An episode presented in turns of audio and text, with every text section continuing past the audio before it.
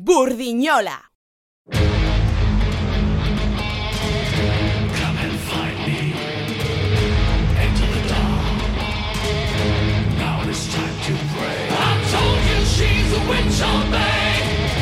Bring her a lion. I told you now it's time to pray and bring her to weeping.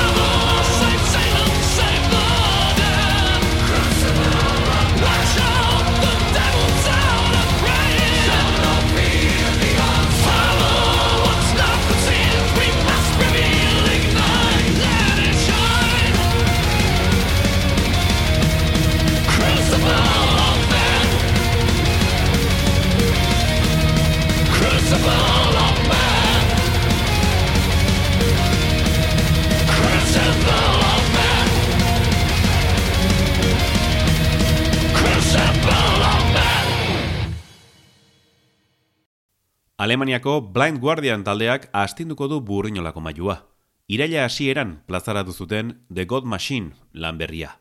Landua eta orekatua da, beraien proposamenaren bertute guztiak uztartzen dituelako, power metal sinfonikoa eta speed metala.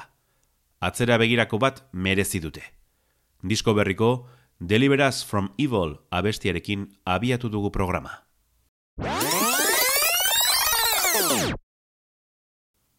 Hansi Kirsch eta Andre Olbrich musikari gazteak power metal talde bat sortzeko elkartu ziren larogeta seian Alemaniako Krefeld irian. Lucifer's Heritage izena jarri zioten eta hasierako laukotea osatu zuten. Kirschek basua eta mikrofonoa hartu zituen eta Olbrichek gitarra. Beste bikideak Markus Dork gitarrista eta Tomen Stauk bateria izan ziren. Bi maketa grabatu zituzten, eta lerogeita zazpiko Battalions of Fear bigarrenari esker No Remorse zigiluarekin sinatu zuten. Orduan, izena aldatzea erabaki zuten satanismoarekin izan zezakeen lotura baztertzeko. Horrela, Blind Guardian izatera pasa ziren. Lerogeita zortzian, Battalions of Fear estraineko diskoa kaleratu zuten. Hau da, bigarren maketaren izenburu bera jarri zioten. Ona hemen, Run for the Night.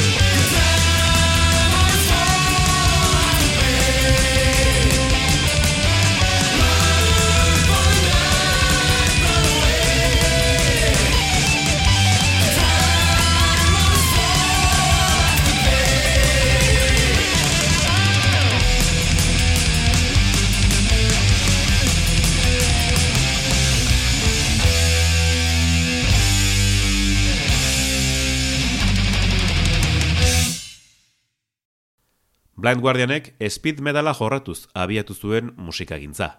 Halloween zituzten erreferente, eta fantasiazko zein beldurrezko literatura gustuko zuten.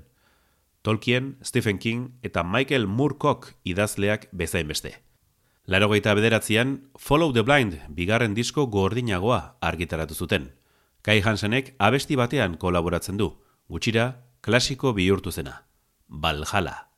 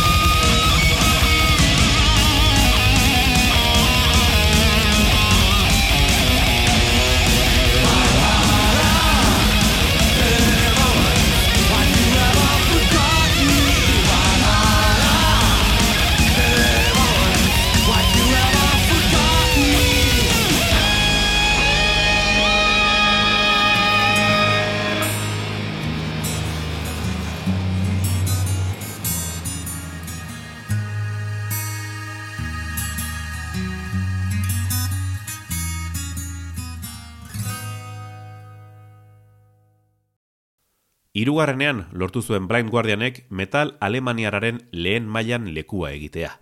Musikalki ere, bestelako doinuak barneratzea erabaki zuten.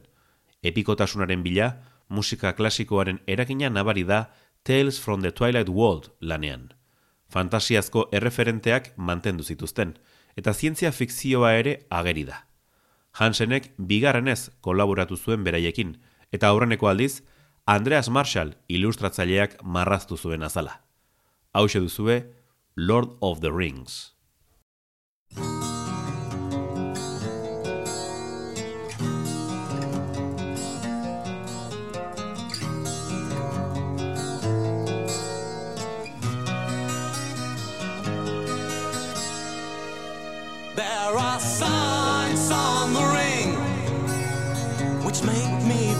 So down.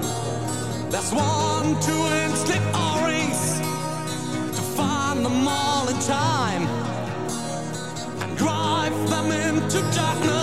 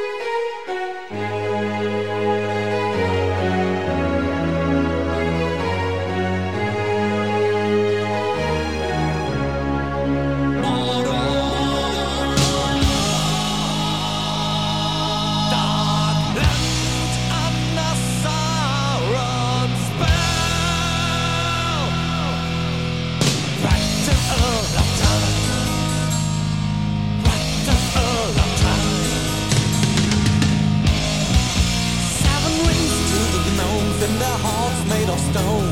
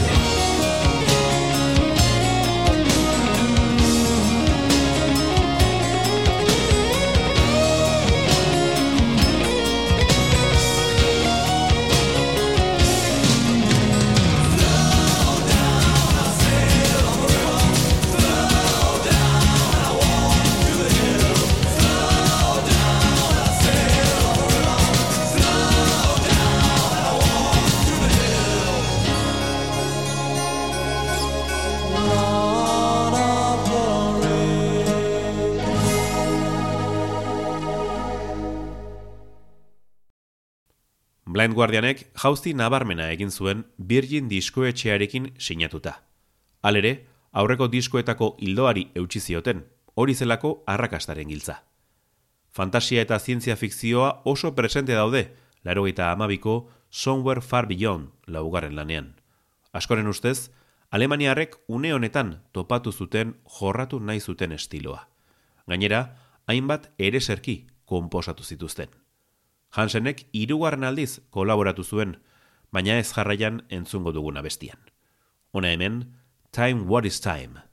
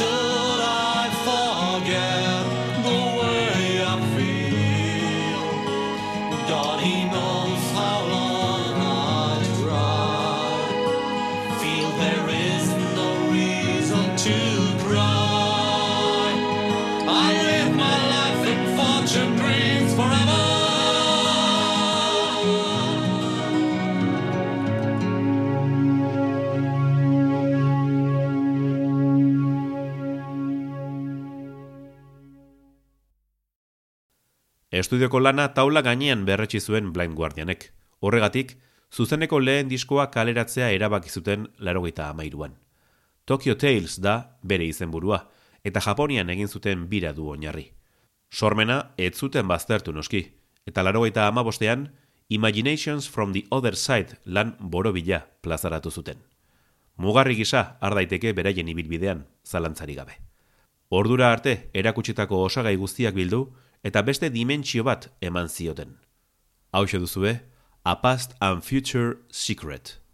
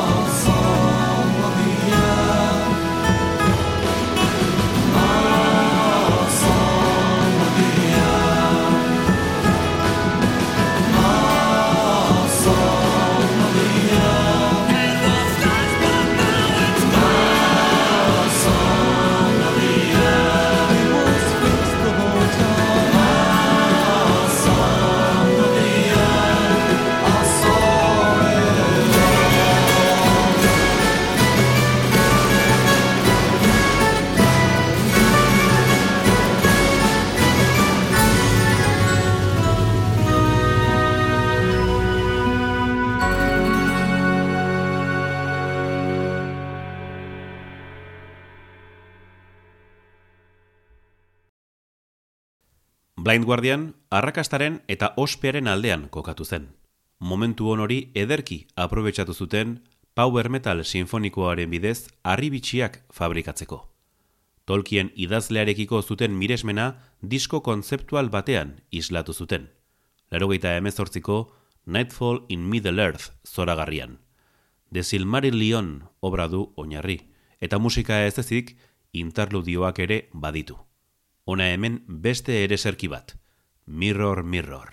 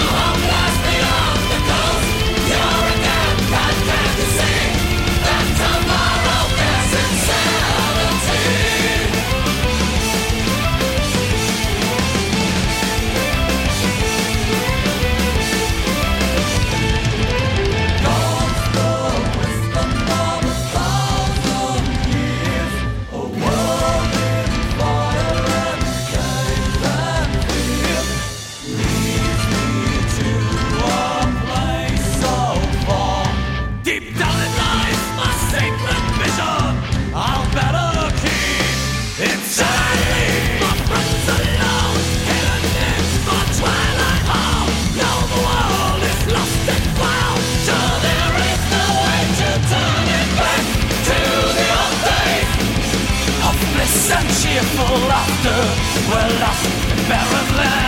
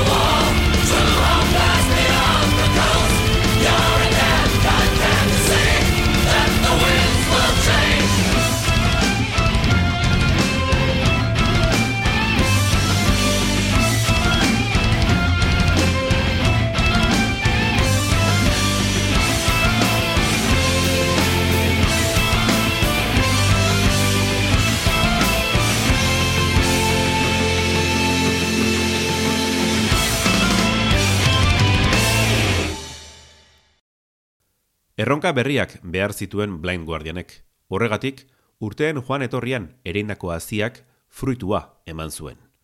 Demora hartu zuten euren asmoa azken burura eramateko. Soinu banda baten pareko diskoa argitaratu zuten 2000 eta bian. A Night at the Opera. Adituek diote, Queen taldearen eragin zuzena duela. Epikoa, barrokoa eta progresiboa da, baina sustraiak hor daudela, esan behar da. Zale batzuek, ez zioten harrera ona egin, doinu klasikoak nahiago zituztelako. Ezin denak konformatu. Hau duzue Battlefield.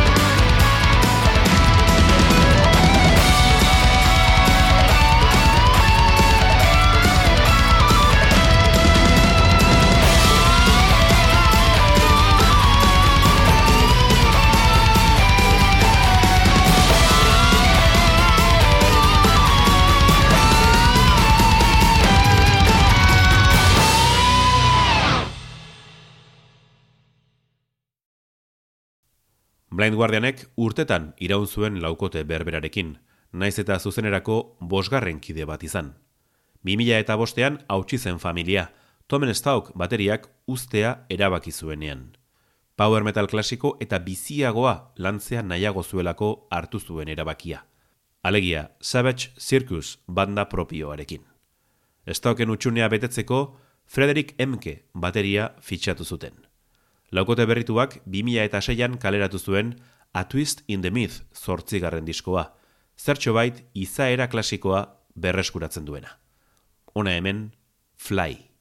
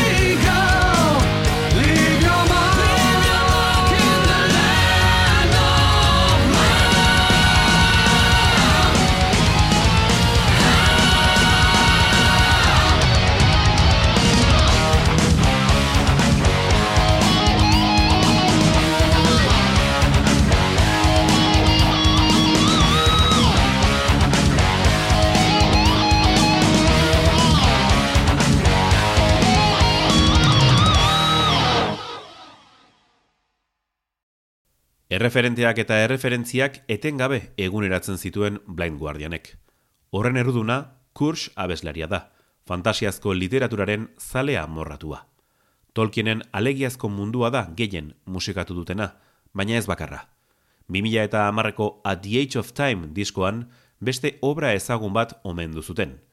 George R.R. Martin idazlearen A Song of Ice and Fire arrakastatxua. Hau duzue, A Voice in the Dark.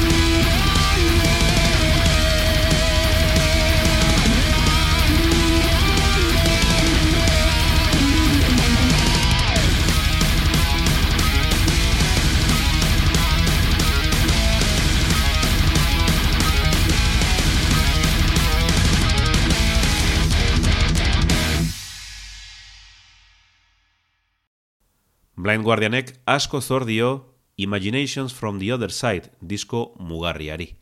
2000 eta amabostean hogei urte bete zituen, eta hori ospatzeko hildo bereko amargarren diskoa plazaratu zuten. Beyond the Red Mirror. Hau ere kontzeptuala da, eta Alemaniarren bi genero estimatu uztartzen ditu. Fantasia eta zientzia fikzioa. Musikalki ordea, A Night at the Opera urbilago du. Hone hemen, Twilight of the Gods.